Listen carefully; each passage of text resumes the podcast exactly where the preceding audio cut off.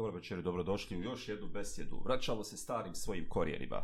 Nikada više uživo, ovaj put samo snimamo. Jer ne znamo šta će gosti reći u emisiji.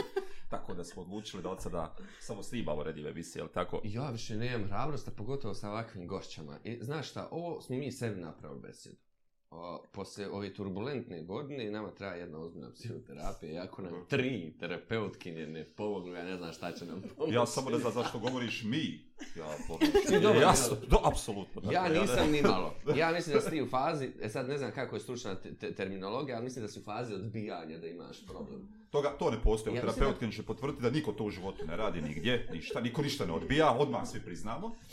Pa Tako pa da evo ja sad priznajem da mi nije ništa. Pa tebi je reforma bila ono, ja, i ozbiljno sam. Ja mislim da, da evo tri su tu ovaj, ja, dobro. gospođe.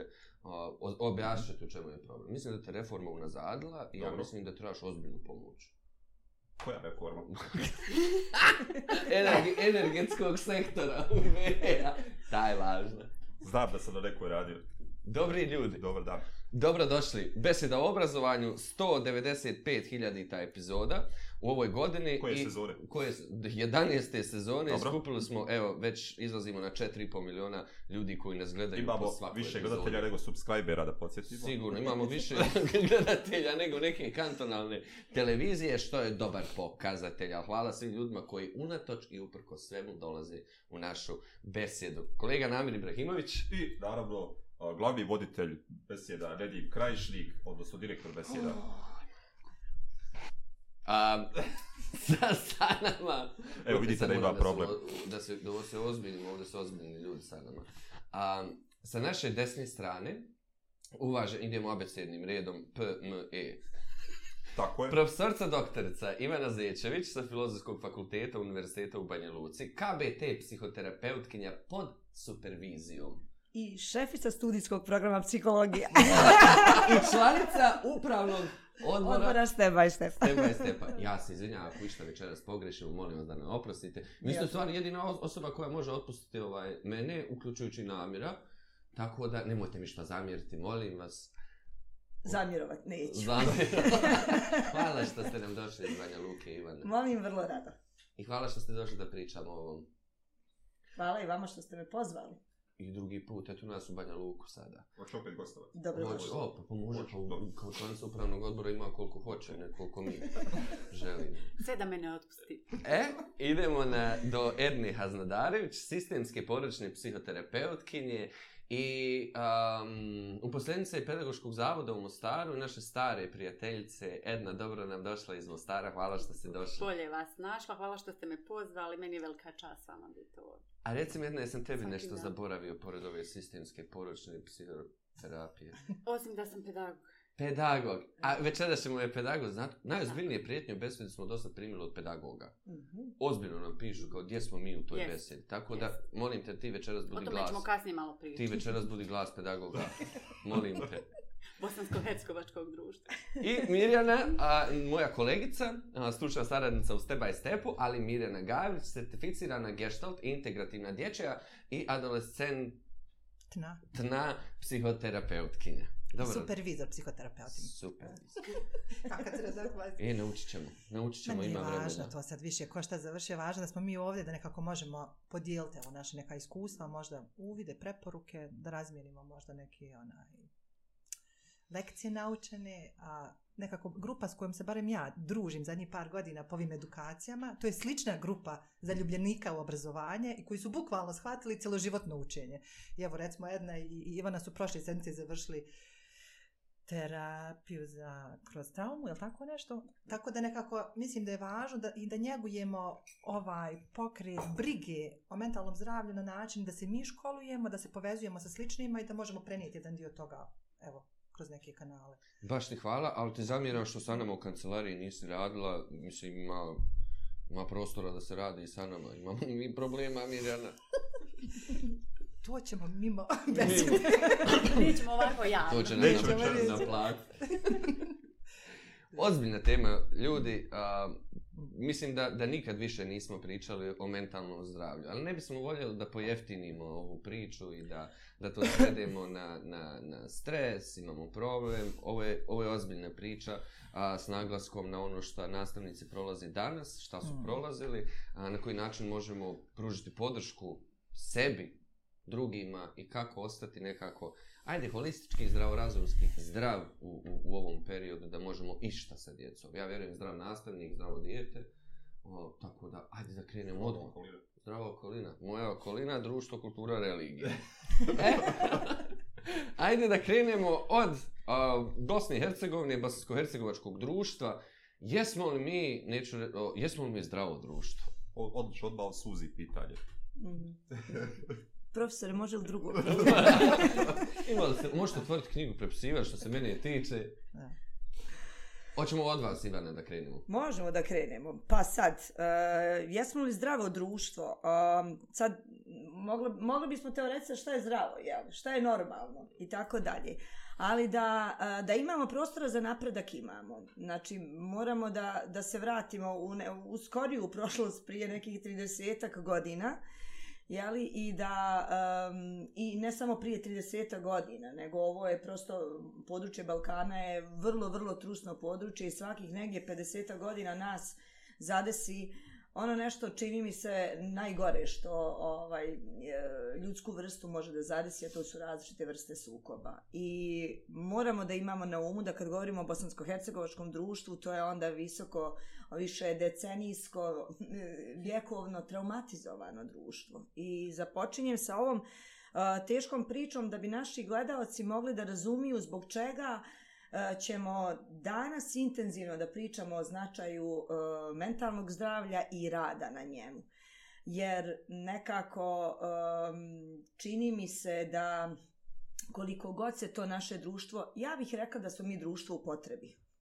Društvo sa mnoštvom potreba e, i specifičnih potreba, za razliku možda od nekih drugih društava.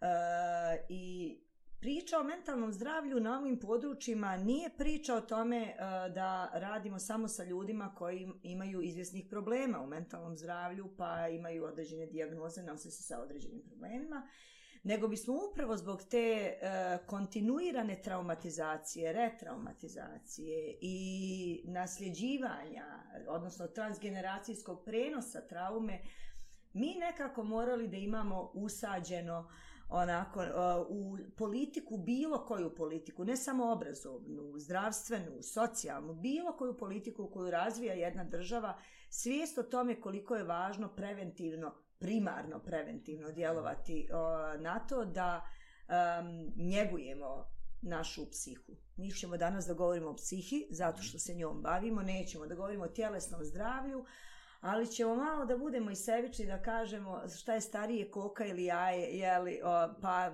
psihičko zdravlje je dobra podloga za i fizičko zdravlje i, i mnoga, mnoga oboljenja fizička upravo su posljedica onoga što dragi moj namjere, malo potisnemo, smetnemo sa strane, pa mislimo da nemamo problem. Tako da, eto, ja bih otvorila nekako da, da jedni i Mirjani ostane dovoljno prostora da odgovore na ovo pitanje, ajmo samo da negdje imamo ono e, sa strane tu informaciju da, da smo e, društvo koje vijekovima e, doživljava s vremena na vrijeme e, traumatska iskustva, da se trauma prenosi iz generacije na generaciju i da e, upalimo lampicu već ono, u onom smislu da nam je primarna prevencija mentalnog zdravlja jako važna. Hoćemo dalje?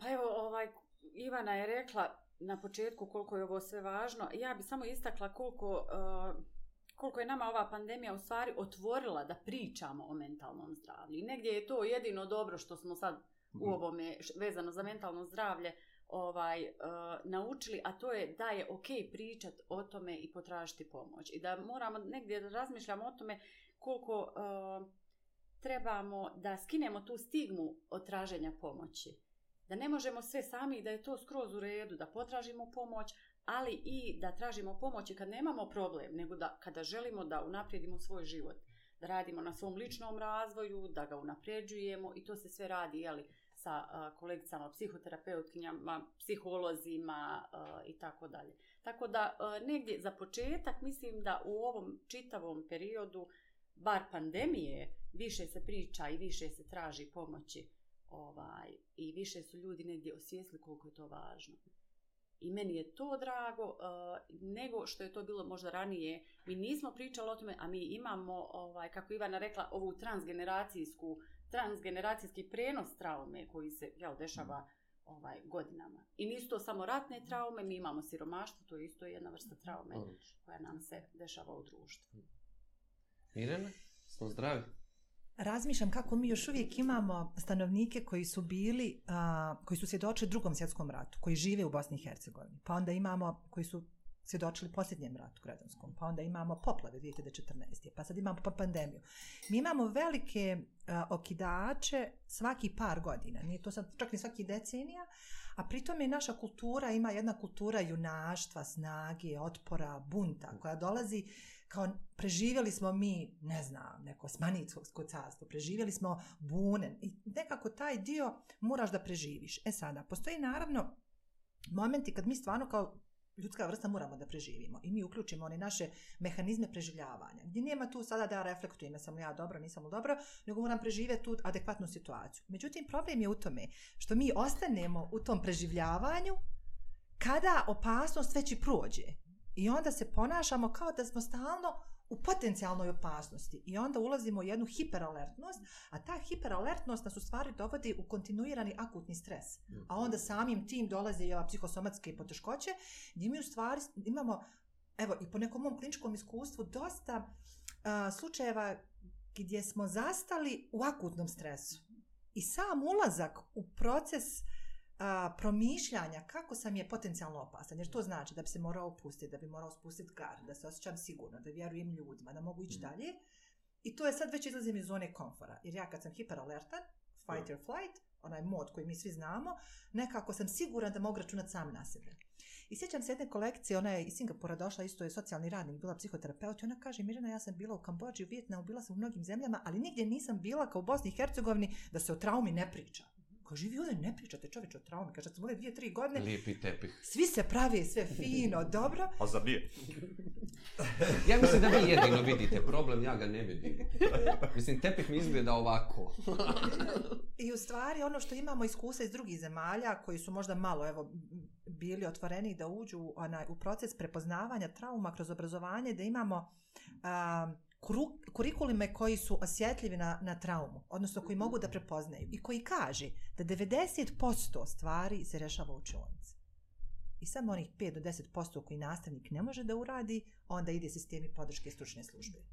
I u stvari je fokus da se podrže uh, učitelji nastavnici da prepoznaju rane simptome, ako je barem dijete u pitanju, ili ako su oni, uh, kako da intervenišu, kako da podrže i baš ako to prevazilazi njihove kapacitete moraju biti edukovani za to, ali zato se educira od onoga, od čistačice, vozača, autobusa, svi su educirani za taj trauma sensitive kurikulum, jer je škola eh, jedno mjesto gdje, gdje svi, gdje prvi imaju pristup djetetu na kraju krajeva. Mm jel, ko će prvi imati pristup nego, nego škola. Da, pričat ćemo kasnije generalno i o nastavnicima, toliko koliko uopće imaju podršku vezan za i prepoznavanje mm. i rad sa djecom, tako dalje, a sada o drugom pomoćnom osoblju ne govorimo, dakle, to bez uopće ne uziva kao neko, kaže se pomoćno osoblje, dakle, neko uopće ne radi. Da. Ono što nas zanima, evo, vi ste istakli neke od ovih problema i faktora stresa i svega što uzrokuje u, u, u, u BiH u ovom predpandemijskom vremenu i generalno što su osobine i dok je pandemija tu, pa evo volio bih samo da još a, naglasimo koji su to problemi bosansko-hercegovačkog društva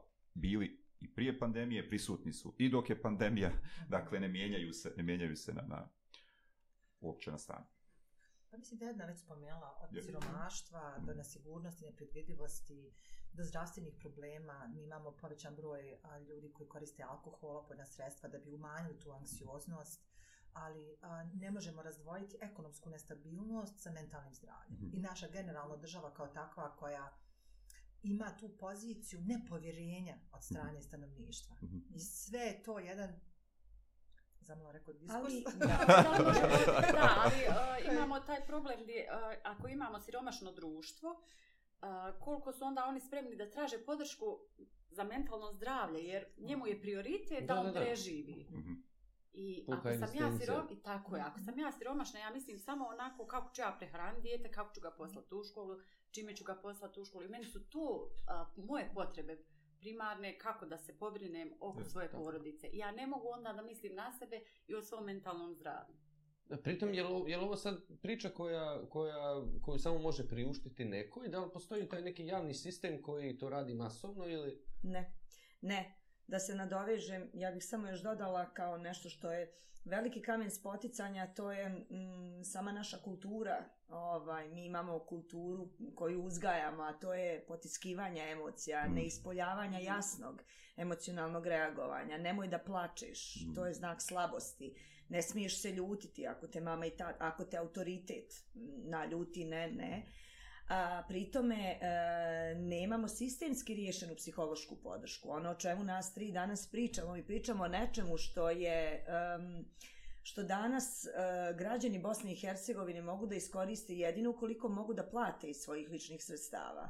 Dakle, mi imamo danas škole koje nemaju ni jednog stručnog saradnika. E, mi možemo da pričamo o tome e, koliko je, ja nekada zaista dok, dok ovaj, izgovaram ove riječi koliko je važno raditi na primarnoj prevenciji, ja sve vrijeme imam negdje onako ovaj, u mislima o čemu ti govoriš, kakva je to bajka koju ti pričaš kada živiš u društvu u kojem imaš i posjećuješ škole u kojima nema ni jednog stručnog saradnika. E, na, moje kolege psiholozi koji rade u zdravstvenom sektoru nemaju u opisu svoga radnoga mjesta psihoterapijski tretman, jer on traje sat vremena. Sistem mora da plati psihologa, e, socijalnog radnika, pedagoga, koji god da se bavi psihoterapijom, psihijatra, ovaj, sat vremena traje psihoterapijski tretman. E, dakle, e, Generalno i veliki kamen spoticanja jeste u stvari svijest ljudi koji e, rade na izradi i zdravstvene i obrazovne socijalne politike o tome koliko je važna primarna, sekundarna i tercijarna prevencija. Mi još uvijek nismo svjesni, iako mm, mnoge statistike, e, cost-benefit analize ukazuju na to da jedna marka uložena u, u preventivni, primarni preventivni rad štedi 7 maraka. 1 naprema 7 vam je odnos, uh, mhm. zavisi od valute do valute zemlje. Ovaj, uh, kod nas je to trošak. Ne, uh, naši... Kao i uh, pre školstvo, kao i sve. Tako je. Tako, A, možete... Kod nas je to trošak. Izvinite. Mm -hmm. um, šta konkretno znači primarna, sekundarna i tercijarna? Gdje se škola nalazi u sebi? Pa škola bi trebala dominantno da nudi primarnu. To je, to je rad sa cijelom populacijom, jel? sa djece, odrastih, mm -hmm. ja mhm. sad govorim generalno na bilo kojem, uz, odnosno uzrastu. Sekundarna prevencija podrazumijeva rad sa djecom, mladima, odraslima koji su pod rizikom, mm -hmm. od nečega. I tercijarna, to je onda kad se već problem razvije, spašavaj se ko može i spašavajmo, spašavajmo koga možemo, jel? Jasno. Tako da, tako da u stvari škola je, e, škola je um, zajednica koja bi trebala da nudi primar, dominantno primarnu i sekundarnu prevenciju. I kad bi škola to imala, prvo, prvo bih rekla ne kad bi radila, nego kad bi imala kapacitete mm -hmm. e, da to mhm. radi, pa kad bi radila, sigurno bismo e, u ovim intervencijama koje imamo, koje potpadaju pod sekundarnu prevenciju, imali mnogo manji uzrak. I možda još jedno podpitanje, izvinjavam se. Pokušavam sve da rašlanimo jer, jer je jako važna tema, evo prvo lično ću ja da je razumijem.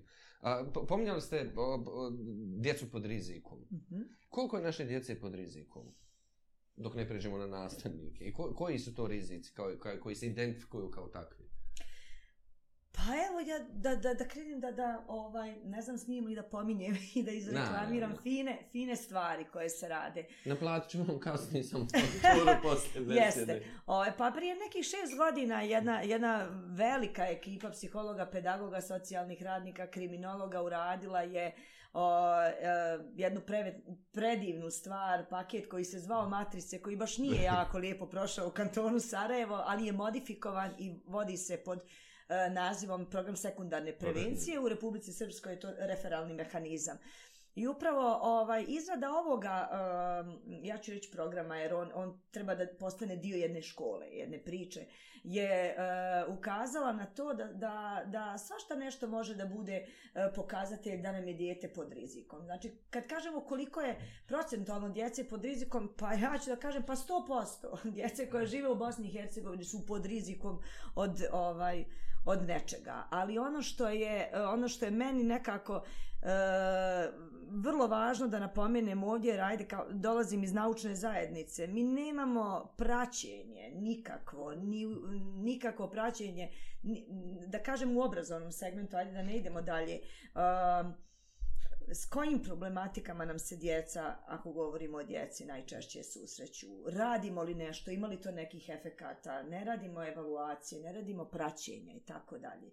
Tako da je na ova, na ova pitanja, vjerovatno u nekim mm, drugim mm. obrazovnim sistemima moguće odgovoriti, ali kod nas nije. Ovaj, u biti tu se desio neki paradoks ovoga našeg društva kada govoriš o, o matricama, Dakle, odjedno bi etiketiranje postao glavni problem. Dakle. Ono društvo u mhm. kojem je etiketiranje primarna kategorija, dakle, lijepljenje etiketa, bilo š... ovdje je sad postao problem. Dakle, ako se označi djete da je pod rizikom i da treba neku određenu vrstu praćenja, pomoći i tako dalje, to je etiketiranje djeteta i ove nesretne šifre, je to A1, B2 i tako dalje. Dakle, mi smo se pobunili. Ne samo djeteta, roditelj, jer kao ako djetetu nešto nedostaje, ja sam loš roditelj, da, da, isto koji direktor. Ako u školi da. ima nasilje, ja nisam dobar direktor. Tako. U mojoj mhm. školi nema nasilje. Mhm. Tako. tako. Da. A koliko je škola izjavila da to bi se trebalo dovesti na nivo da se to normalizuje na taj način da je okej okay, uh, kod djeta prepoznat. Ako ja, ako ja pratim u svojoj školi uh, Uh, ne znam, ako su, ako su to te matrice, one meni daju samo uvid da vidim šta da radim sa mm. određenim brojem djece. Olakšavaju meni posao, ne moram ja sada da se mislim da li je ovo ili ovo, ja već imam pred sobom nešto što mi je dalo uvid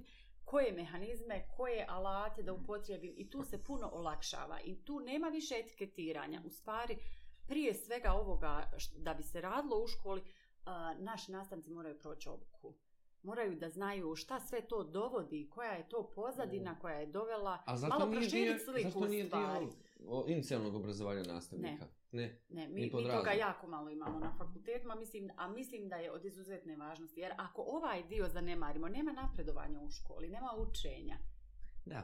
da onda razmišljam kako neki stariji ovi nastavnici, profesori govori, mi smo to radili ranije. Mi smo i ranije imali obavezu da prepoznamo koji dijete u riziku, da prijavimo pedagog, kao ovo nije zmišljanje tople vode, ne znam u čemu je problem. Mhm. Možda se radilo ranije, ali se oslanjalo na um, individu, odnosno mm. na kapacitet i proaktivnost nastavnika koji ima senzibilitet, ali se nije moralo. Ova matri, odnosno početav pokret je moraš, htio ne htio, mhm. ako vidiš da ti dijete kasnije, ako vidiš da ti dijete spava, ako vidiš da ulazi u konflikt, ti moraš nekome prijaviti. Nije stvar da ste senzibilan. Trebalo to, bi. To, to je stvar, e, e, jedna pomenula se, meni, meni, evo kako ja to razumijem, to je, to je stvar zdravog razuma. Mhm. Znači to je najbolji način da ja pomognem Tako. djetetu mm -hmm. na svakom nivou, ako razumijemo da je obrazovanje, da je uloga obrazovanja da razvija holistički mhm. ovaj, to, to, to djete sa svim što... što ono- I znači, onaj, ne dime, samo još nešto da kažem. Ja moram ovo istaći, da uh, ovo nije samo... Uh, kao bi rekla, postao pedagoga, psihologa u školi, stružnog saradnika. Mi moramo da djelujemo kao sistem. Mi kao škola smo sistem. I ne mogu samo ja kao stručni saradnik da radim taj dio.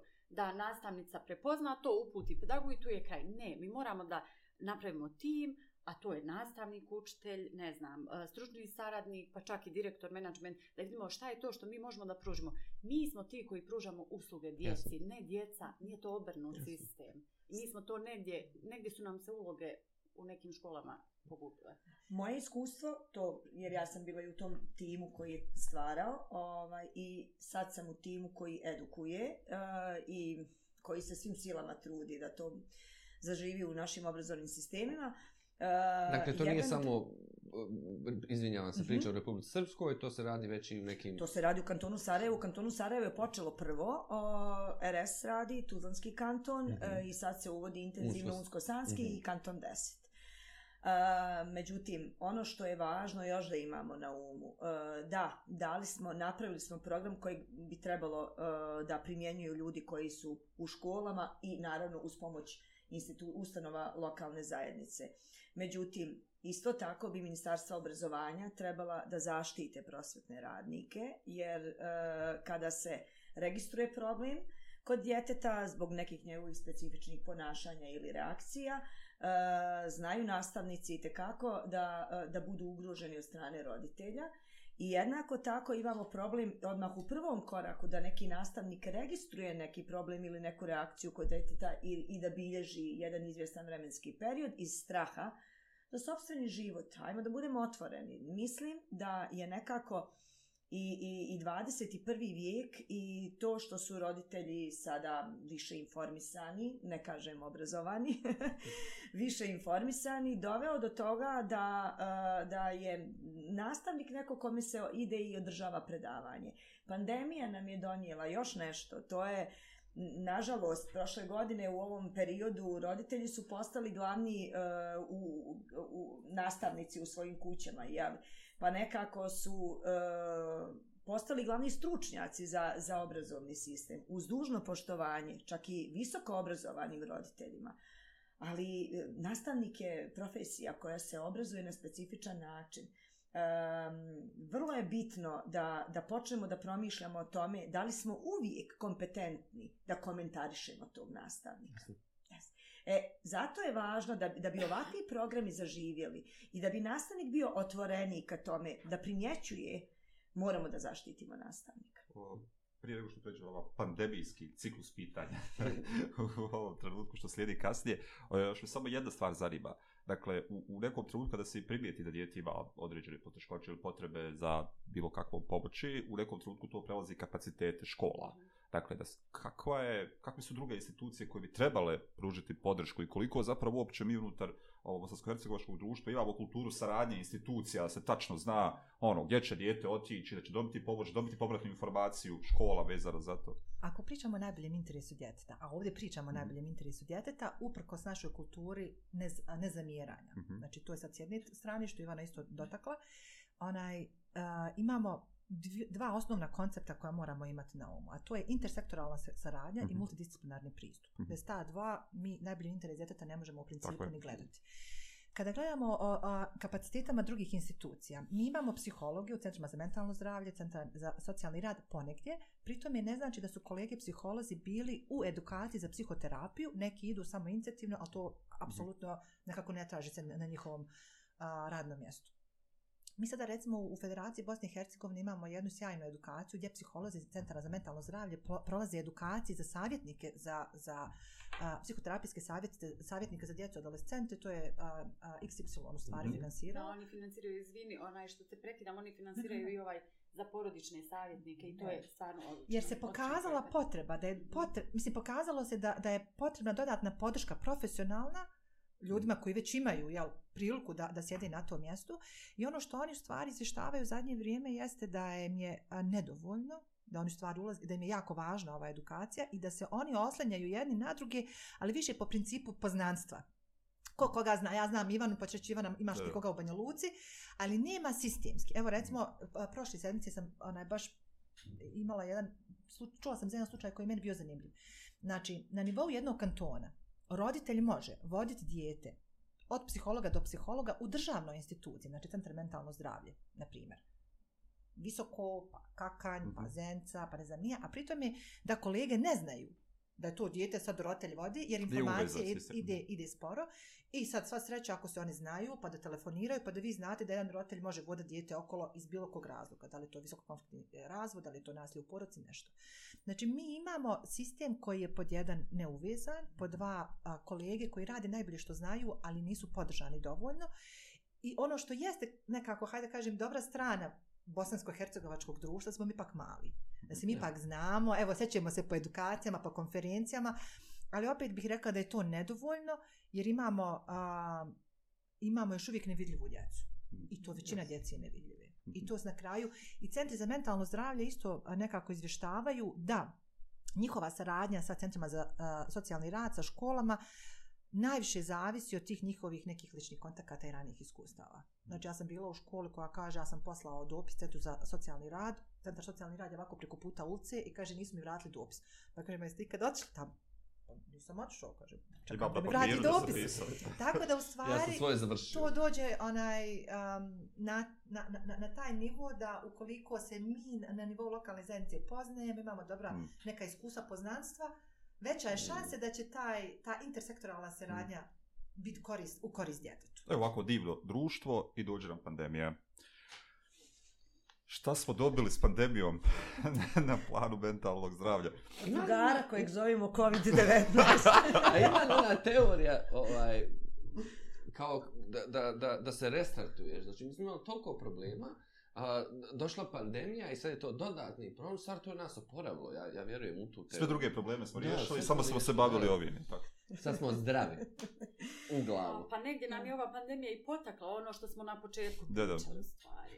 E, u stvari, bile, desila se retraumatizacija u toku pandemije i na početku. Ljudi kad su nas ono prvi put zatvorili u martu prošle godine, ja sam prošla da kažem prije dvije godine, meni to sve nešto dvije godine. pa jes, pa ovaj, pa sad, april, školske, kraj. Dvije prije. školske, zato je meni to mhm. ovaj, negdje. Kad su nas zatvorili, ljudi su stvarno imali ošćaj da počinje rat. I jako puno su se javljali, pričali o tome kako se osjećaju, šta sad kao... I, i masovno je bilo ono kupovanje one hrane, sve vam je to negdje pokazatelj koliko su se oni Taj osjećali se. nesigurno. Evo, nešto, nešto se dešava i u nas je što bilo, o, ja ne znam, prije ne, nekoliko godina u Mostaru kad je pao snijeg, veliki snijeg. Moram Pet centimetara. Ono veliki je bio snijeg. Ovaj, ljudi su i tad doživjeli tu retraumatizaciju. Počeli su da kupuju tu hranu, zatvarali su se u kuće, nestalo je struje i sve je to upućivalo u stvari na to iskustvo rata.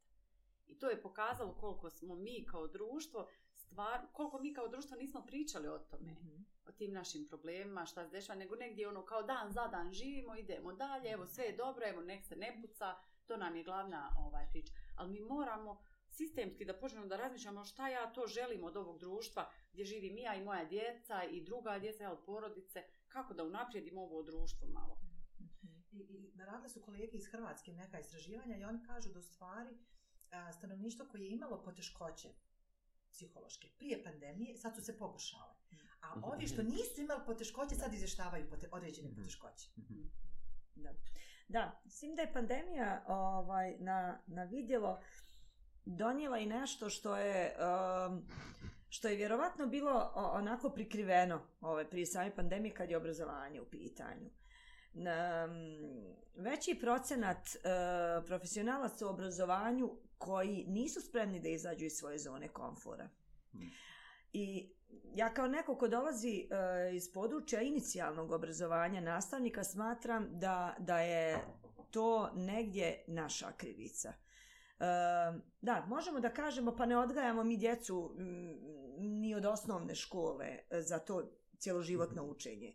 Mi psihologe učimo jednoj od definicija, ono najbazičnijih definicija, učenje je cjeloživotni proces, jeli, tako dalje, ali nekako uh, za, za vrijeme osnovne škole u, uspijemo da razvijemo taj set neprijatnih emocija kada je dijete u procesu učenja. Kod većeg mm. procenta djece. I e, na, na, na, inicijal, na nivou inicijalnog obrazovanja nastavnika mi se dominantno usmjeravamo na to da ih dobro naučimo određenim predmetima koje će oni sutra, kojima će oni sutra podučavati djecu, ovaj, i da uh, učitelje, uh, nastavnike ne, ali učitelje dobro podučimo metodikama. Dobro onako, da, da znaju da napišu dobru pripremu, da znaju da popune dnevnik. Malo onako ovaj, pričam na ovaj način zato što da, jako je važno znati isplanirati, jako je važno imati u rukavu metode i tehnike rada. A šta kad pređe u neki novi kontekst? mi smo, mm, e, ono što, što se nama dešavalo u ovim istraživanjima koja smo provodili jeste da je nivo stresa kod nastavnika do maja uspio da skoči na taj mhm. nivo da nisu funkcionalni ljudi. Uh, step je, smijemo li sad pomenuti mi oko nas i Step je naravno ovaj, odreagovao jako brzo u, u, u pandemiji, već treća sedmica mm -hmm. je bila od ponedeljka žustra uh, i krenuli smo sa tom našom onom ovaj emisijom subotom ovaj mi oko nas gdje smo nekako ono nas tri imale namjeru da radimo na onoj mi to zovemo psihološka edukacija da ljude prosto ono podučimo da malo osjete sebe da se malo sebi vrate I ono što je meni bilo vrlo specifično, evo sad sam se naježila, znači bila je šest emisija, jel tako? E, na trećoj, ili, ili više, možda i više, da, više na trećoj, na trećoj smo mi imali jugoslovenski region, ja ću to da kažem, ja sam jugonostavničar. Ovaj, i, Ime i sjeci, ovaj bio možda. I, to sad i, kaže regija. smo ljude koji se ne poznaju na Zoomu, koji su počeli da se otvaraju, da pričaju o tome kako im je, kako se osjećaju, uh, da iznose ono, ono, ono najdublje, ja volim reći iz želuca, da iznose onu problematiku ovaj, tešku i vi vidite koliko je taj naš nastavnik usmjeren na to da, da, da radi ono što se od njega zahtjeva NPP-om, pedagoškim mm. zavodom ili ne znam nija šta. I sad je došla pandemija i sad je došao neki on, online pristup i učenik mi je tamo negdje i tako dalje i oni su se potpuno izgubili potpuno. I vi ste imali, ja sam sigurna, određen procenat ljudi, ne znam koliki, koji je pokušao da, ka, e, da, da, da uđe u tu zonu straha, da, mu bu, da bude nesiguran i da krene da uči, da bi se ponovo mm. osjetio sigurnim. Ali onda imate milion kamena spoticanja. Ona je najvažniji, onu, onu podršku i onu, e, ovaj, e, neke ljude ovaj, koji pripadaju ministarstvima i pedagoškim zavodima nemate moji iz Republike Srpske kažu da su, bili, da su se osjećali jako usamljenima. Da su bili u školama, ja sam nekoliko seminara poslije toga držala gdje nastavnici i učitelji otvoreno kažu lako bismo mi učili, a da nam je neko bio tu, da, da ga možemo pozvati. Mi smo zvali, niko se na telefon nije javljao. Znate, uh, Nastavnici su sad rada, ja bih voljela sad da malo promišljamo iz raznih uloga učenik na, relacija, učenik nastavnik, nastavnik pedagoški zavod ministarstvo ko, koga imamo u, u ovih naše 12 mm. jel, sistema, ali kad nemate podršku, kad nemate rame za plakanje, da nekoga Kažem, nazovete... Ivana, da su inspekcije dolazle, još posebno da vide kako da. se to radi. Znači, mimo sve. Pa da, neko, podrške, da nekoga mi nazovete i kažete teško mi je, ja. da kažete teško mi je, ja ne znam. Ne, pošalji mi izvještaj. Uh mhm. -huh nedelju mi pošalje izvještaj. E to mhm. je ono što, što nekako je pandemija iznjedrila, završavam pa vam prepuštam, pa, pandemija je iznjedrila nešto što, o, o čemu mi vrlo često pričamo, to je da su naši obrazovni sistemi NPP-ovski centrični. Bitno mi je samo forma. Isključujući sam život iz toga. Nastavit ćemo ovom, nećemo preskočiti, pravo ćemo pričati o planovima, šta, šta, šta, kako mislimo davati daljnu podršku nastavnicima, ali hajde da idemo na ovaj naš prvi plaćeni blok reklama, namir, ja svaki put to iz svog džepa platimo, pa tako je? da imere, molim te, pusti našu plaćenu reklamu. Drugari, vanredna je situacija u potpunosti. Dakle, YouTube nam je poslao mail da će nas ukinuti i besede i step by step i reformu obrazovanja sve ako ne evo molim vas evo samo sada ako ne ništa prije nikada nikoga nisam molio evo sada vas molim molim vas uradite subscribe jer time ćete pomoći da se reforma obrazovanja ne nastavi a besjeda da ide dalje hvala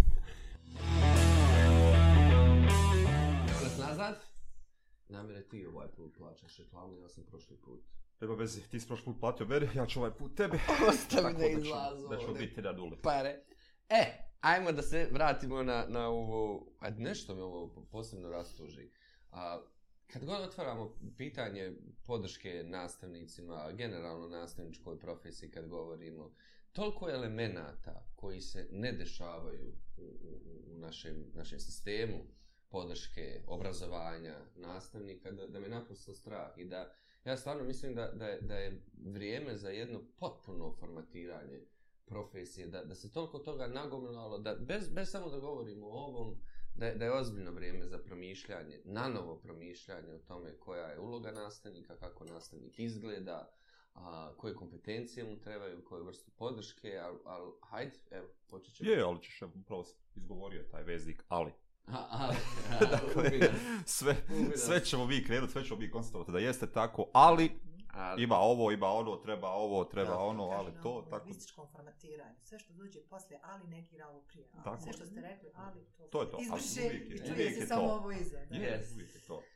Um, ja step i zajednicu vidim kao, kao jedan, jedan alternativni korpus znanja i vrijednosti, ono što, što mislim, to, to je primarno došlo s vaše strane. Uh, ta inicijativa da pokrenemo mi oko nas. A, mi imamo planu da nastavimo mm -hmm. tu mhm. podršku. Nastavim Jel to ti za slučaj da će biti još ove nastave u pa pandemiji? A ne, ne, ne, samo, ne samo pandemijska podrška, Aha, ne, generalno ne. podrška nastavnicima. Mi ćemo u, u narednom periodu i to vrlo brzo da, da, da se obratimo nastavnicima sa, sa novom, novom starom inicijativom i bit će prostora kod nas da, za, ne, da, za ono to. Ono što bi možda jedino još dodala jeste da škole koje su pokrenule mm -hmm. zajednice za učenje, su nekako izvještavale da im je to bilo značajno. I ne samo u smislu da pripreme određenu ne znam, vježbu, da razmijeni iskustva, nego da su tu jedni za, za druge. I važno je bilo, iako je pokrenuta s drugom namjerom, vidi se i da pošto je ovaj projekat završen, gdje je tu inicirano, da su oni dalje u kontaktu, dalje šalju slike, tu su jedni za druge. I vidi se da je ta neka vršnjačka podrška možda adekvatnija je brža nego sistemska. Mm -hmm. Um, htio sam da pomenem, gledam iza tebe u, u, dole ispod, ispod svega toga procjena koji smo radili, um, istraživanje koje smo radili sa djecom, roditeljima i, i, i nastavnicima, procjena uh, online nastave tokom pandemije, ali ona se nije bavila, bavila samo kvalitetom, bavila Aha. se različitim sferama i tu smo zaista nadošli primarno što su nastavnici, roditelji i djeca, posebno roditelji i nastavnici, istakli jeste mentalno zdravlje, jeste podrška koja nedostaje, jesu strahovi njihovi mm -hmm. i sve na stranu to hoće li djeca naučiti, neće li naučiti. Djeca su izdvojila da im je najvažnije u svem procesu bilo to podrška od strane nastavnika, mm -hmm. a nastavnici roditelji kao bojazan ili kao strah su primarno identifikovali generalne egzistencijalne strahove, mm -hmm. Uh, za, za, za, a onda, ja mislim da je uzaludno pričati o bilo čemu drugom, ako, ako je ta primarna, ne, evo, da se pogrešno izrazi, ako je ta emocija najdominantnija, ako je strah kao takav najdominantnija, mislim da sve drugo pada u vodu. Nije tu ni učenja, nema tu ni mhm. napredovanja, nije tu nekog kritičkog promišljanja. A evo, mi ćemo se truditi da to vrlo brzo vratimo i naša zajednica će vrlo brzo za to znati. I hvala vam na ono što ste radili sve, sve, sve do sad. Nam potrebno samo da spominim neke direktore koje sam Ajde. imala čast da upoznam, koji su sa centrom za socijalni rad i sa policijom ganjali djecu. Gdje su djeca? Je se odšla u selo kod babi i dedi. Neka djeca su jednostavno nestala. A to su nam sad djeca koja su pod rizičnim jel, nekim mm. uticajima dodatnim. Da li roditelji nemaju dovoljne roditeljske kompetencije da podrži nastavu, da su mhm. prisutni. Djeca kasni. I, ona, i, i sjećam se ovih naših sastanaka gdje je bukvalno direktorca ustane i kaže, idem sad od kuće do kuće, gdje mi je djete? Mm -hmm. Znači, nema. I roditelji su se pozivali na odgovornost ukoliko je to zanemarivanje a, djeteta u sektoru obrazovanja. I zaista se znalo desiti da roditelji nemaju stvarno kapaciteta da isprate online nastavu, posebno roditelji koji imaju više od dvoje djece i roditelji djece, ovo, nekako ne sitnije djece, mm -hmm. imam školskog uzrasta, i ako ima više djece u osnovnoj školi, onda oni prati jedan laptop, jedan kompjuter. Mm -hmm. Tako da, um, ono što bih mogla reći evo, iz nekih naših iskustava jeste da ima uh, sjajnih i direktora, i pedagoga, i nastavnika koji su um, posle par mjeseci već bili u, u, u visokom riziku od sagorjevanja, mm -hmm. jer su radili dnevno po 10-12 sati, to se mhm. zadaća slava na večer 11-12, to se pripremalo. Um, ali su oni u nekom momentu u stvari iskomunicirali da ne mogu tako tako više. I da se nešto mora A pritom je isto sve. Mhm. Dakle, škola funkcioniše, dakle, ništa nismo, ja, evo sad, da, da ne generalizujem, ali ja ne vidim neke ozbiljne promjene u, u modusu ove online nastave, aj terminološki svađamo se već, mhm. je li to online nastava, je li to dopisna nastava, je li to ovakva, nakva, ali ništa se nije konkretno promijenilo. Mhm. Dakle, evo i dan danas je, je online nastava za neke razrede, različito po, po, po sistema, ali kao da odbijamo, uh, da, da, da unesemo promjene ili jednostavno, najiskrenije, ne znamo pa se pravimo ludi. Mhm, da. ovaj, ovaj izraz dopisa nastavim se jako sviđa. Ja sam jednom na jednom treningu ljetos rekla uh, komunikacija putem Vibera, nije online nastava. To je kao kad je mene, uh, moje roditelje, uh, moja učiteljica, kad sam ja bolesna, nazvala i rekla dobar dan, kako mi je Ivana, danas smo iz srpsko-hrvatskog jezika radili, pa na u, bukvaru na toj toj strani, pa iz matematike na toj toj strani i tako dalje. Znači, to je i priča preko fiksnog telefona, jel? Ovaj, ali... E, teško nam je govoriti, evo sad smo malo u ovoj pauzi ovaj, pričali, o, teško je na nivou države generalizovati. Zato, se ja, zato ja imenujem, jel, moj, i kod mene tamo u RS-u, moji Moji, naši, vaši. yes. ovaj, ali o, definitivno, eto, da kažemo pola države, znači nastavnici u pola države su se osjećali samima. E, a pritome um, za razliku od druge ti... polovine gdje su bili je super da ovaj ali uh, hoću da kažem ja sam u jednoj TV emisiji rekla šta smo radili prošlog ljeta Jel, šta, smo mi, šta smo mi mm, u ministarstvu i pe, Republičkom pedagoškom zavodu radili cijelo ljeto? Počeo je septembar, pravili smo se kao da će pandemija da prestane, jel, virus ćemo nekim mm, neznanim kanalima istirati iz naše države, ovaj, i, i nekako smo ono, prekrojili čas na 20 minuta, podijelili odjeljenja na dve, na, na, na polovine i nastavnicima rekli, e sad, u Radite pola, duplo. Prvo radite duplo, a druga stvar u, u, i vi, u, u manje, u više od, ovaj, uh, znači nastavnici su zakinuti kao i učenici za više od 50% časa i treba da realizujete nastavni plan i program u istom kapacitetu kao i prije toga. Uh, gledajte, ja i dalje, bez obzira na to što bih, vjerovatno ja, da sam taj nastavnik, rekla, ma, jel, šta me briga, uh, meni su moji učenici najvažniji, pa ću ja da odaberem šta ću. Ko meni može da, ko mene može da ovaj tu sada provjerava. Međutim, vjerujte, nekako naš čovjek ima osjećaj kao da je u svijetu velikog brata i kao da ga neko od snima ili je to možda lakše postupiti po naređenju. Jel? Uh, Ne preuzimati da, odgovornost. Jeste, ne preuzimati odgovornost. Tako da ono što nam je pandemija donijela, to sam htjela samo da nekako zaokružimo, mnogo je bitno, evo sad ide poruka prema nastavnicima, narode, preuzmite odgovornost za ono što radite. Ajmo malo hrabrosti, ajmo malo drčnosti, mislim, da, da, da, da se zaista čuje, uh, čuje negdje i vaš glas. Pobogu više vas je u odnosu na sve ove koji kroje politiku, jel? Eh, da, da malo pokažemo našoj djeci kako odrasla osoba koja eh, ima neke kompetencije i znanja postupa u situaciji kada shvati da je dignitet profesije i Odlično. sve ostao došlo, dovedeno u pitanje. A Ivana, Odlično. podršku koju mogu zaista imati jeste, mi već sad znamo da ćemo imati a, talas mentalnih poteškoća kod djece ukoliko se nešto ne promijeni. Nama je već najavljeno PTSP kod djece u porastu. Mi već sada imamo samo povređivanje u porastu. Mi sad već imamo povećan pokušaj suicida kod djece osnovne škole i srednje škole. To već se ljudi postoji. Znači mi mhm. sad ne govorimo da se to treba smanjiti da bi njima bilo lakše. Čak što više, mi moramo više vremena izdvojiti šta je prioritet, kak, na koji način to djeci prenijeti, uzimajući u obzir da je nama ovo već druga školska godina i da nama djeca već, evo, mislim, opet kaže, kontaktirajte Centre za mentalno zdravlje, oni su prva linija posle škole koji izvještavaju da oni imaju nagli porast djeci koji se javljaju u Centru za mentalno zdravlje, što prije nije bilo. Mm. Znači, mi ne, nemamo mi više šta pričati, je to potrebno? To juče je bilo potrebno. Ali opet ja kažem, da bi uh, nastavnik pružio pomoć djetetu, on mora da brine o sebi. E, I prvenstveno, ja ne mogu mhm. pomoći nikome ako sebe nisam negdje osigurala u tom smislu. A tako radiš 12 sati svaki dan. A mi, ono što, što hoću da istaknem jeste da ta sistemska podrška što se tiče uh, mentalnog zdravlja, mi toga nemamo na nivou države. Mm. I to se mora uspostaviti. Uh, ja sam radila dosta sa pedagozima i stručnim saradnicima e, generalno, u, u, u, ovaj, pošto radim u zavodu, pa vezano za stručne aktive. Uh, vrlo to je, je bilo HNK. važno i bez pandemije da mi radimo na uh, e, osještavanju važnosti mentalnog zdravlja i njih samih prvenstveno. Jer sam htjela da oni osjete prvo sebe, svoje potrebe, da bi onda znali pružiti pomoć i nastavnicima i djeci. Jer su oni u stvari ti koji su na prvoj liniji, pedagozi i psiholozi u školama.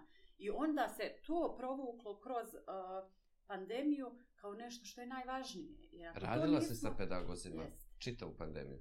Pa radili smo na način da smo mi, što se tiče pedagoškog zavoda, svi zaista, nas je jako malo, moram istaći, u pedagoškom zavodu u Mostaru i onoliko koliko bi trebalo da se pomogne, mi nemamo te kapacitete. Mm -hmm. Malo prije smo pričali o sistemima podrške mm -hmm. i o mm. tome, e, često te institucije nemaju broj ljudi onoliko koliko to trebalo da Ali uprkos, Edna, ti si radila intenzivno s pedagozima. Jeste, ja sam na početku odmah poslala pismo pedagozima gdje im pružam podršku da su slobodni da se jave bilo kada, u bilo koje vrijeme, znajući to da i oni rade u bilo koje vrijeme i sa nastavnicima i sa uh, djecom. Uh, bilo je tu ljudi koji su radili zaista danonoćno, bilo je ljudi koji su sebi napravili granice, nisu izlazili iz zone komfora i što ja zaista negdje i razumijem, uh, E, do jedne granice u onom prvom valu. Međutim, sada je već vrijeme da se preuzme ta odgovornost, u stvari bila je davno, i da se kaže, ok, ovo je sad dio mog posla i ja jednostavno moram da, da e, radim po tom pitanju.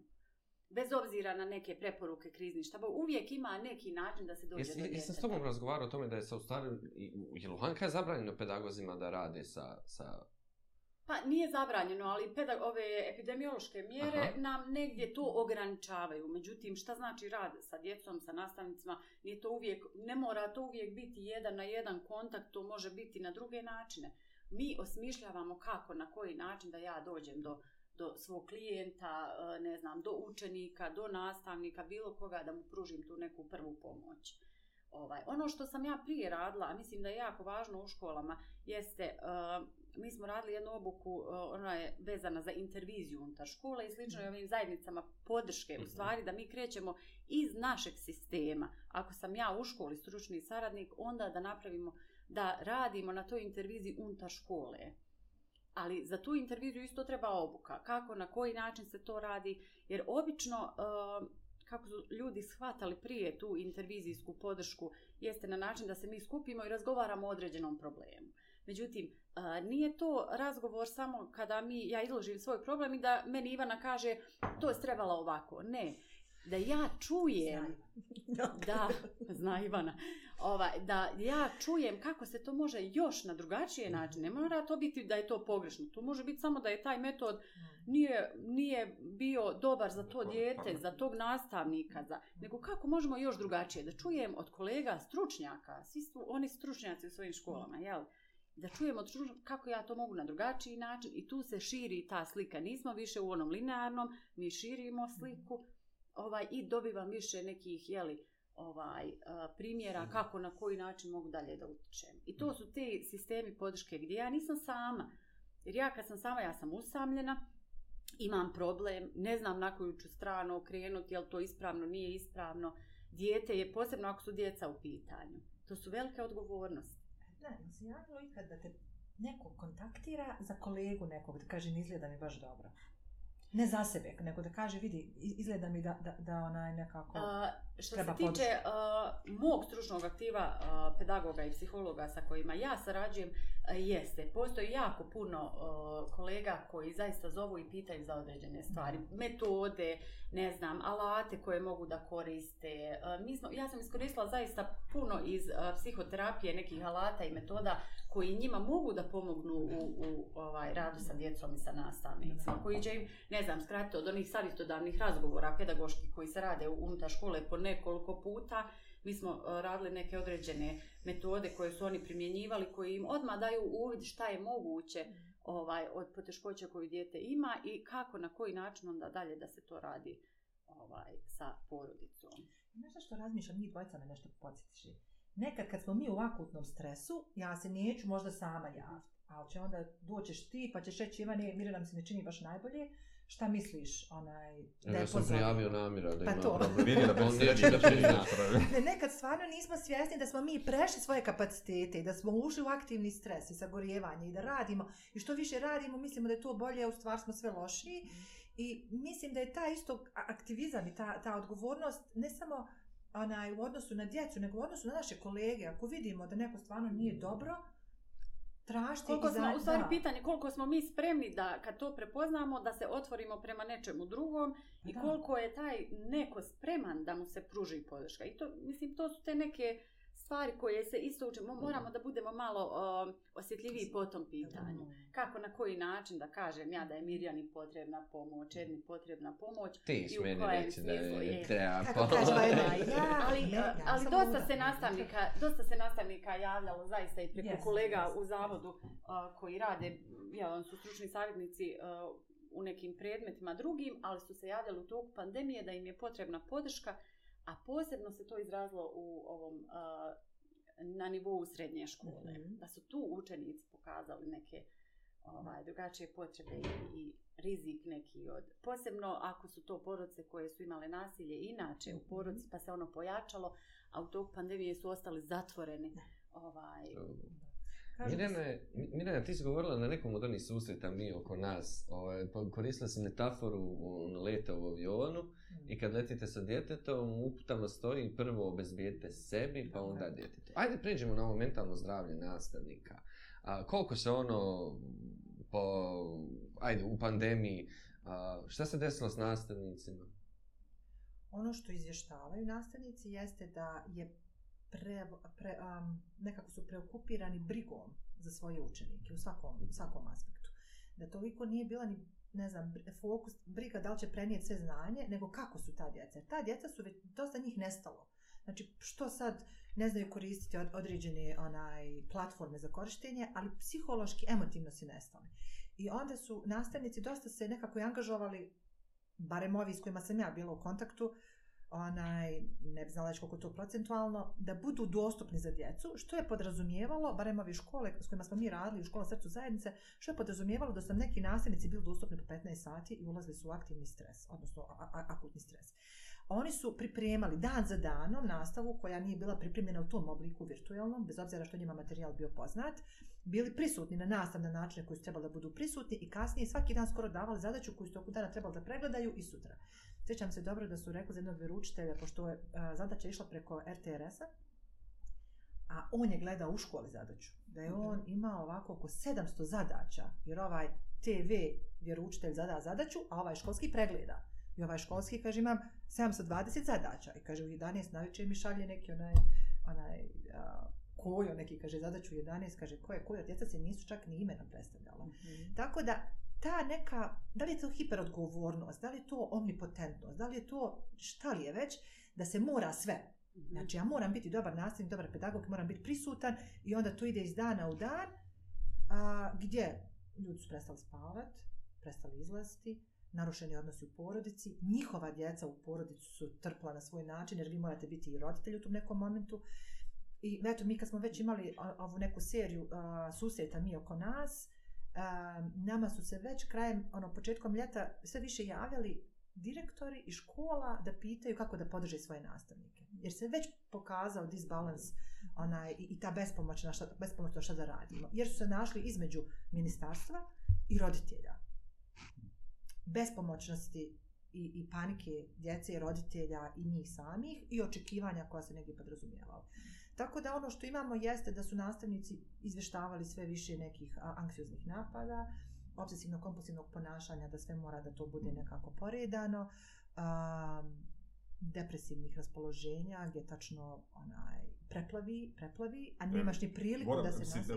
Pa ja mislim sad, evo, ono, možda i... Koncept je, dakle, bila je jedna od vaših kolegica i doslovno, doslovno rekla, nisam, ne znam sve, nego kolegica vaša rekla zapravo da nastavnik, nema pravo biti depresivan u vrijeme online nastave. Mm -hmm. Dakle, to je ono, mora uvijek biti raspoložen, dostupan i tako dalje. A u stvari, ovaj, a u stvari je poželjno da nastavnik kaže učenicima kako se ošća taj dan, da. jer mi na taj način učimo djecu uh, emocionalnih Bra. E, opis menjujemo ovaj, zato što im damo dozvolu da kažu da su i oni loše taj dan i da je to sasvim normalno da nastavnik danas nije ok i ne samo u pandemiji nego inače kad ja dođem u razred da kažem djeco ja se danas ne osjećam dobro meni bi bilo potrebno od vas da se vi danas tako, tako, tako ponašate kako bi mi pomogli da danas ovaj čas a ti jedna sad narušavaš ovu svetost ovaj, da. nastavnika u razredu kao... Da. Pa, a, ali Neopitno. i ovo što je Mirjana govorila, koliko uh, imate jedan procenat nastavnika koji uh, uopšte ne traže pomoć i negdje uh, nisu otvoreni da im se pruži pomoć na bilo koji način. I onda sve mora da se završi po MPP-u. Ne možemo mi u pandemiji Čime sve... Čime će to rezultirati potencijalno? Potencijalno mi ćemo za uh, koju godinu vidjeti šta nam je pandemija što se tiče obrazovanja mm -hmm. dala ovaj koliko su djeca to u, u pandemiji uopšte naučila nešto ili nisu naučila ili jesu mm. naučila sve su to sada onaj je li mi sad samo pretpostavljamo kako će biti ovaj jer nije moguće ako vam je čas skraćen kako ja mogu da završim sve iz NPP-a mhm.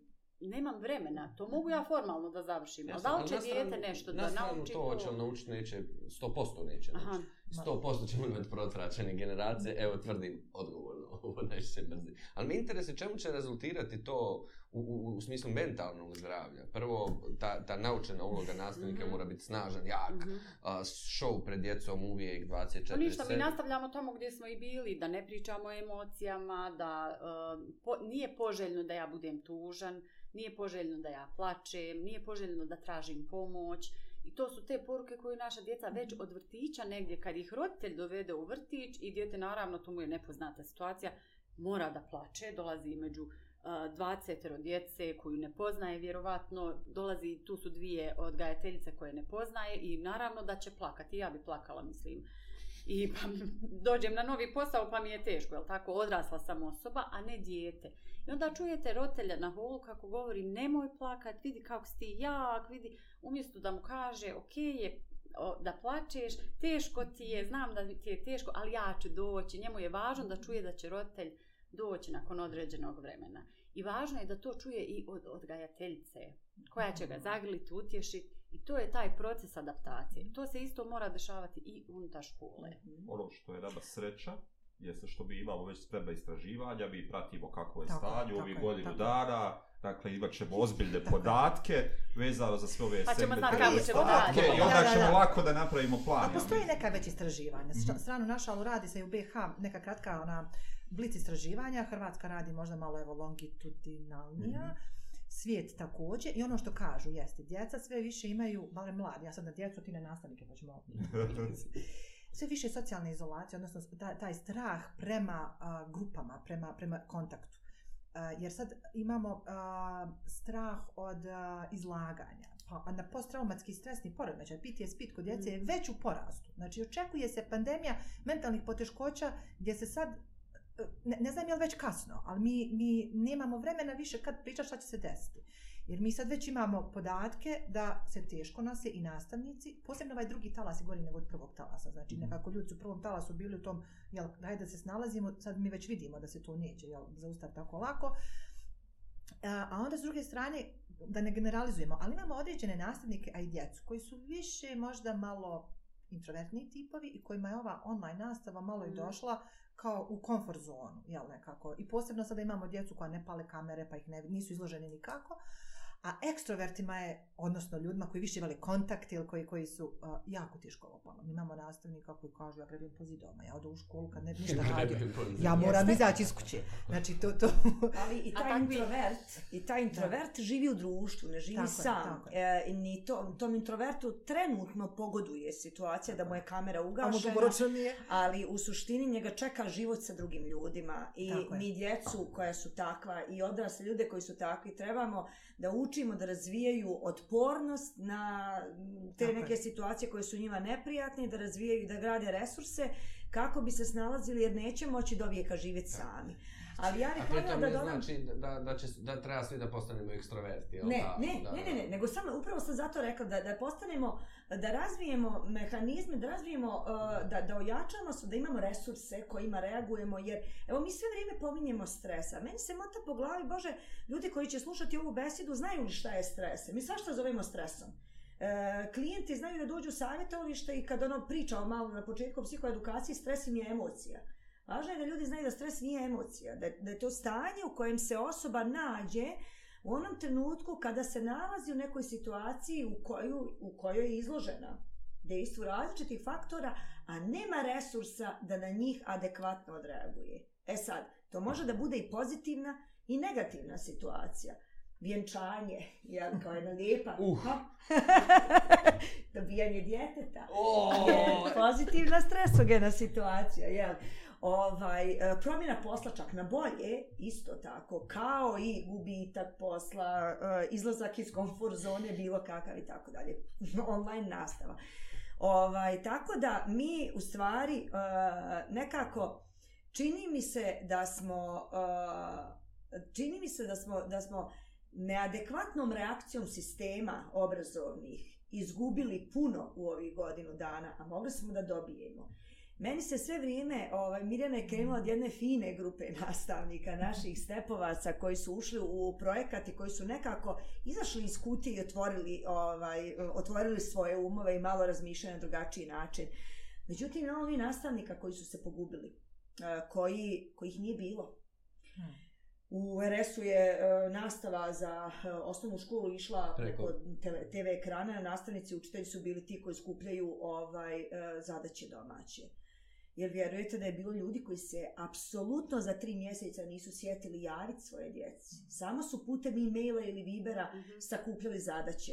Znate šta znači jednom prvačiću koji je tek krenuo u prvi razred, upoznao svoju učiteljicu, da se nije vidio tri mjeseca, da se kreću sada, e, ovo, ja sad razmišljam primjer o toj generaciji koja je sada drugi razred osnovne škole. Mhm. Moj sestrić je drugi razred osnovne škole. Uh, Ja ga pitam Nikad sad nije za doživio školu.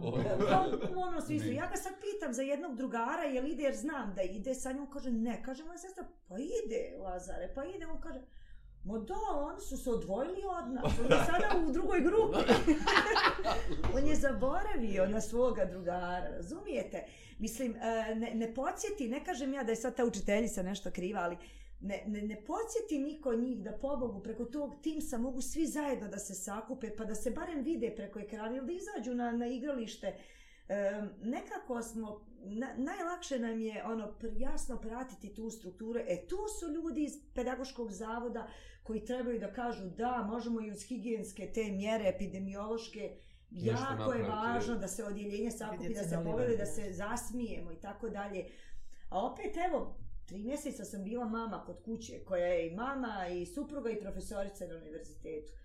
Moj stari dječak mjesec dana se nije javljao, on je fingirao da radi zadaću. Mjesec dana se nije javljao, razrednica pa, se nije zapitala. Sad javno ovako mislim. Pa, pa ne može, što, što mi drugara, bit će mi drugar u problemu sad. Tako, nije će biti znači u problemu, bio je. Da ne spominjemo imena, Jeste, ali a ovaj, gdje mi je ovaj, da. kamera ime redi? Tako je, tako je. Ali ovaj niko, evo, ovaj imamo imamo direktora koji su koji su išli i tražili tu djecu. Moje dijete nije niko potražio. Ma da. Ma mjesec dana smo dobili email na kojem je pisao Rasko Zečević, nije radio zadaće, svi roditelji sa svim imenima i prezimenima djece. E, pa, to pa transparentno. Tako je. Transparentno. Imamo i takvih prosvednih radnika, ali opet, možemo da razmišljamo ovako, sram je bilo, jel? Možemo da razmišljamo, ali nju niko nije naučio drugačije. Da, da, da.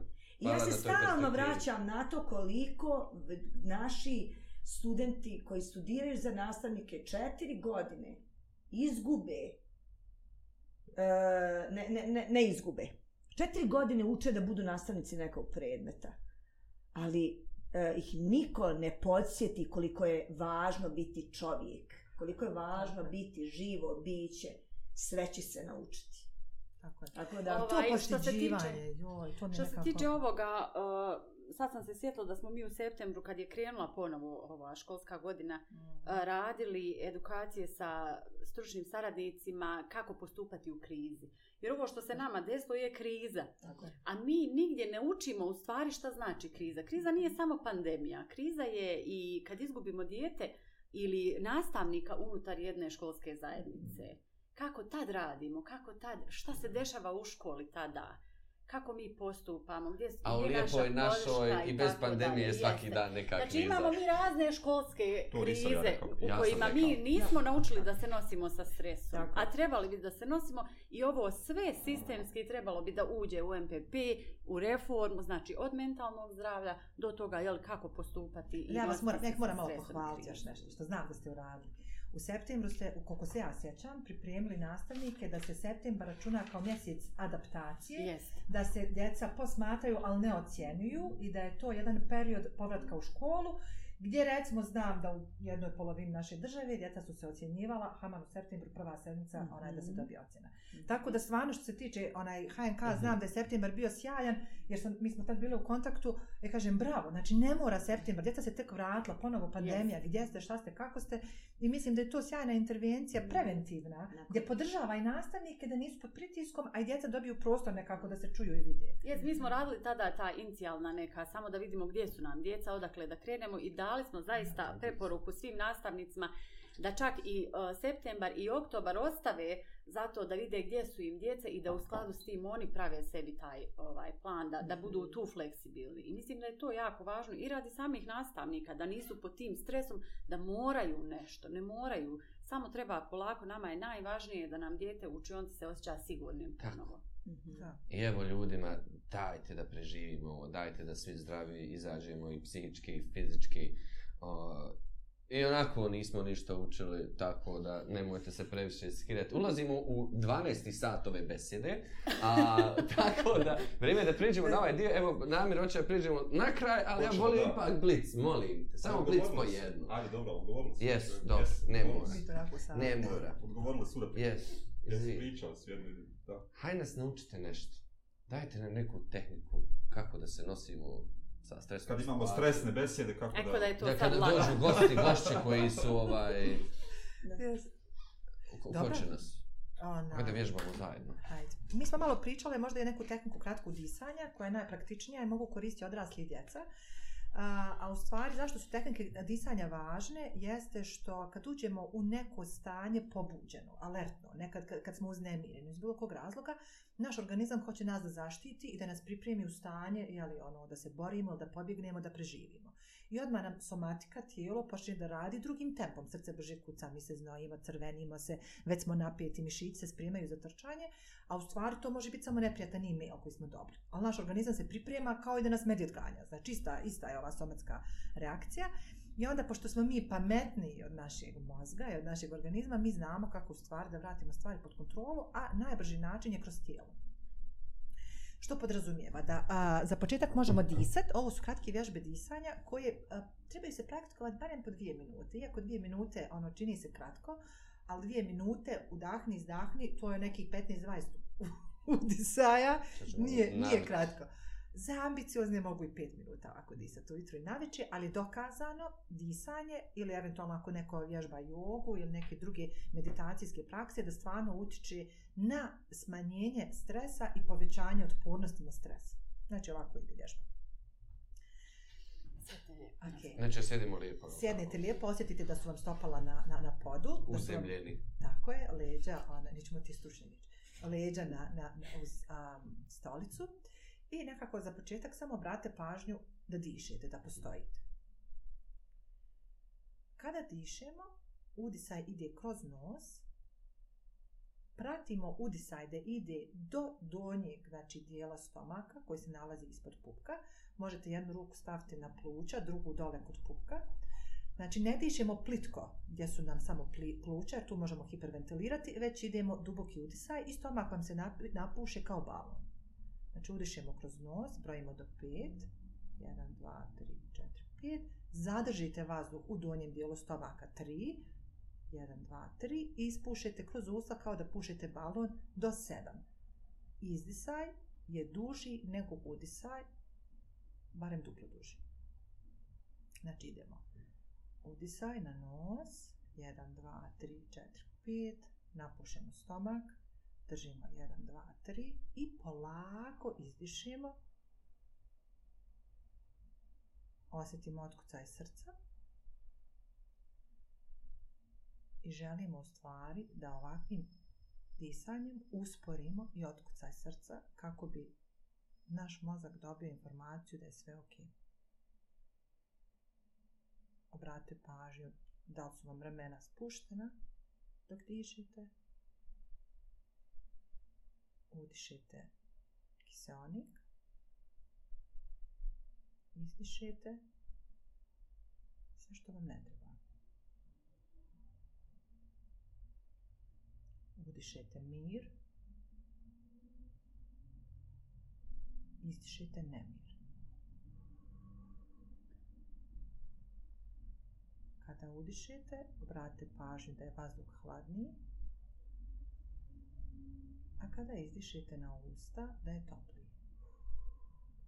Niko od vas ne puše balon, vidim. Puši, puši.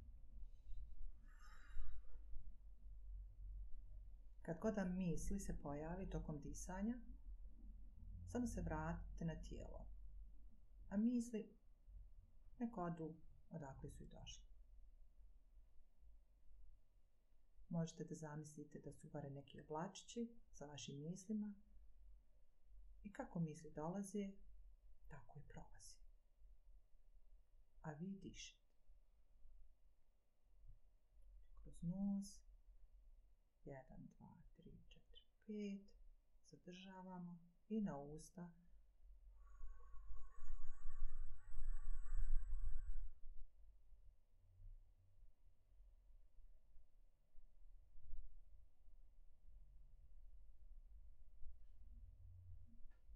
bude dovoljno, možete polako vratiti se u prostoriju. Iz tog mjesta kontakta sa svojim disanjem ulazimo u daljevi kontakt. Drugačiji povezani prvo sa sobom, pa onda možemo izbrukiti. Meni se reforma na pamet. ja, ja, ja dok sam disao, meni reforma. Uoblačić reformu i... Ali ova vježba super i za djecu, ovaj, kad rade ovo disanje i kad uh, zastanu, onda da pitaju sami sebe kako smo i s čim dolazimo danas. Mm -hmm. I to je super da onda učiteljica s tim osjećajem kako djeca to iskomuniciraju, da sa tim osjećajem uđu u dan zajedno. Mm -hmm. I isto tako završe ovaj na kraju dana ovaj, sve časove s tim i da s tim odlaze onda iz učionice. Jer šta nam se dešava kad je previše podražaja? Mi odemo u vanjski svijet i diskonektujemo se od sebe. Nekako mi smo sad zabrinuti reforma, te vakcina, te ne znam šta. I u principu to nam je prvi korak pri zanemarivanju svojih potreba, a samim tim prelaskom svojih granica ulazimo i u neke druga stanja koje može biti dubokog stresa. I sad ja kažem, evo, Edna, bolam ti si u stresu. Ko ja u stresu? Nisam baš ne, sam ne, ok. Pa sam, čemu je problem? Znači, jednostavno, prvi korak da bi održali mentalno zdravlje jeste, evo, hajde da osjetim tijelo, fizički, psihički, da osjetim sebe, da bi ja onda s ovog mjesta mogla ući u kontakt mm. sa nekim idejama, ljudima, procesima i da se mogu vratiti na kraju sebe.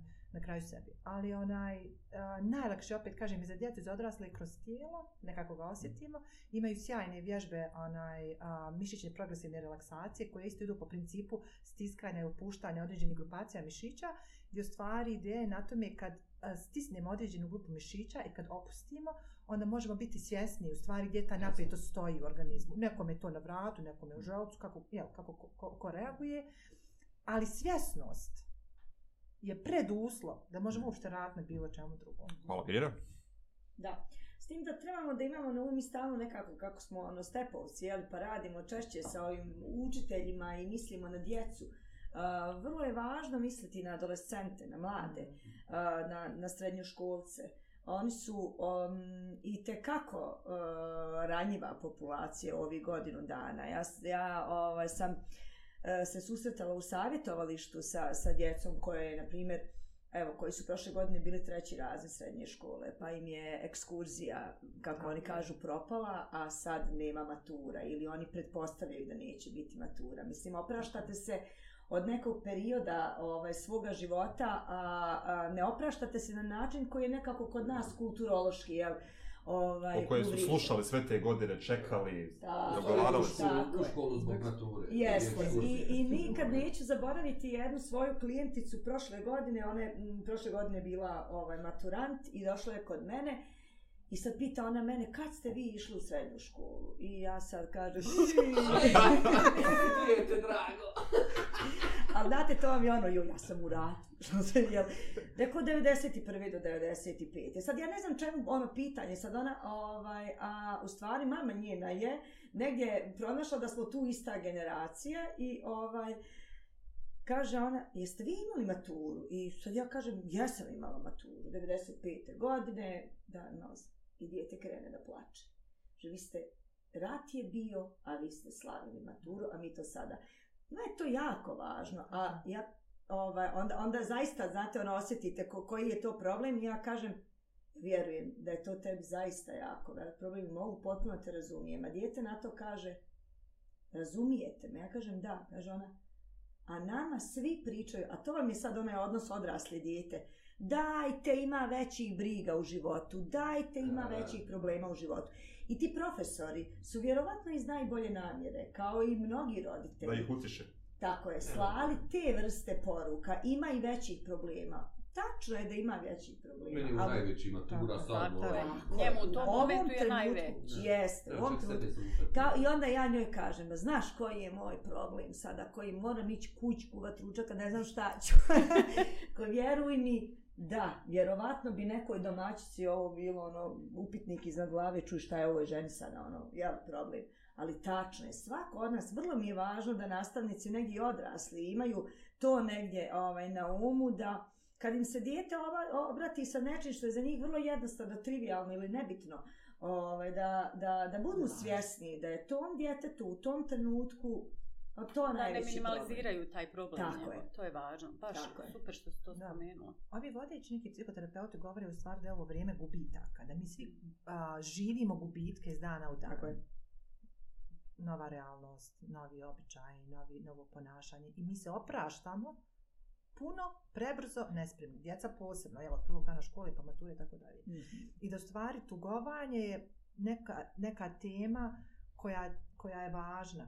Mm. kako, kako djeca tuguju. Mm. Sad imamo recimo sve više razvoda mm-hmm. zbog, zbog pandemije, mislim uzroka potaknuta, to nije sad ni važno.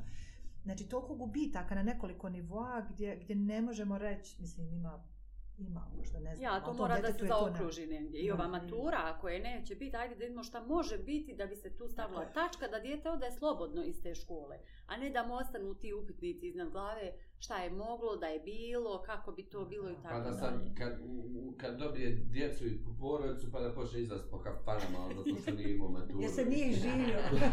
nije se Ali njima je to važno, mislim, da školsko nije važno, nego što su puno s roditeljima, što nema kafane, yes. što nema vršnjaka. Yes. Nema sve, to su sve gubici koji u adolescenciji treba njima da pripada prirodno. Mm.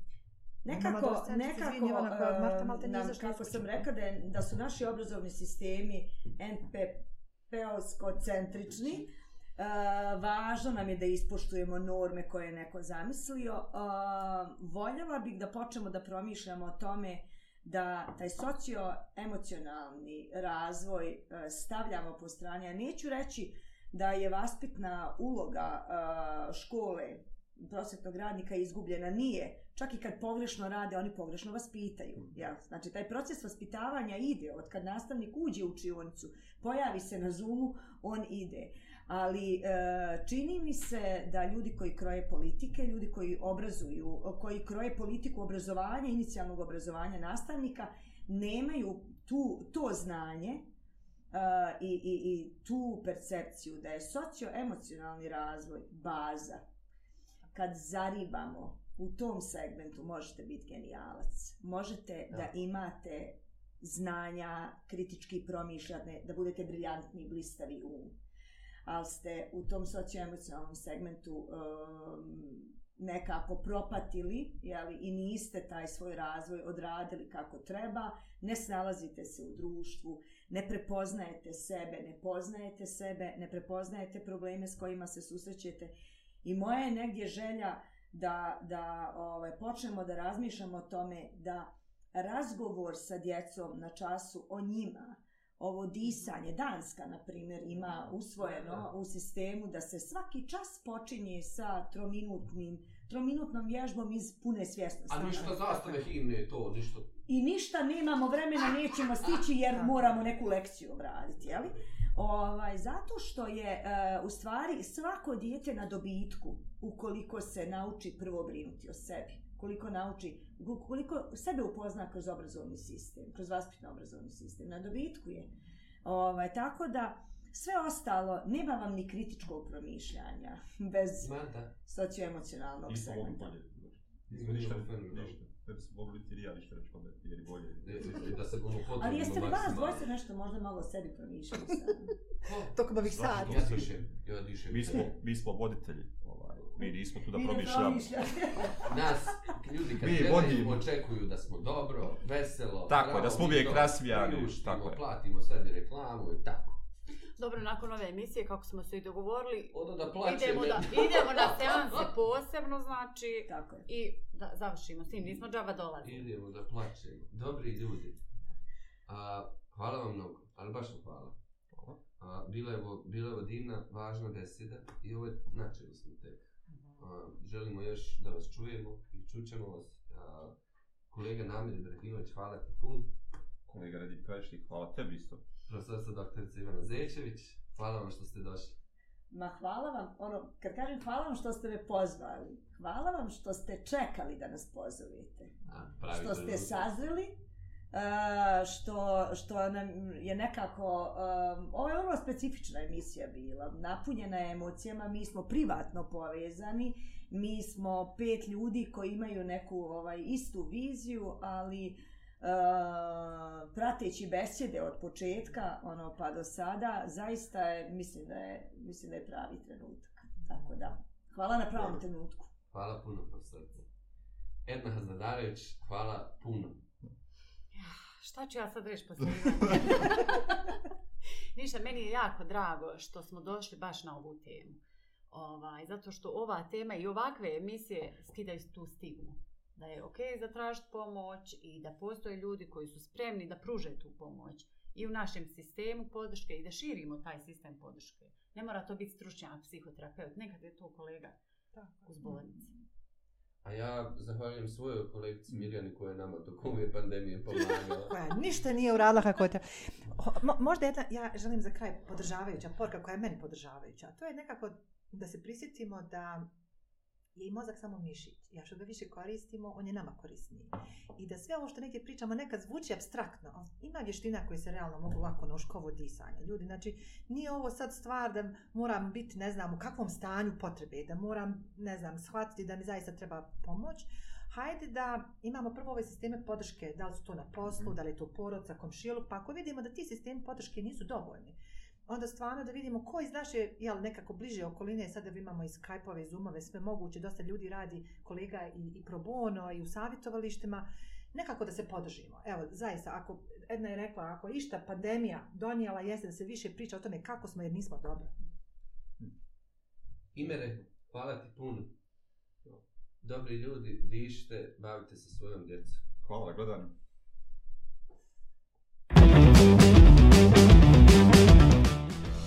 večera ste nas gledali, možda drugi put nećete, ono što je preduvjet da biste nas pogledali, da biste nas vidjeli, Nedime je...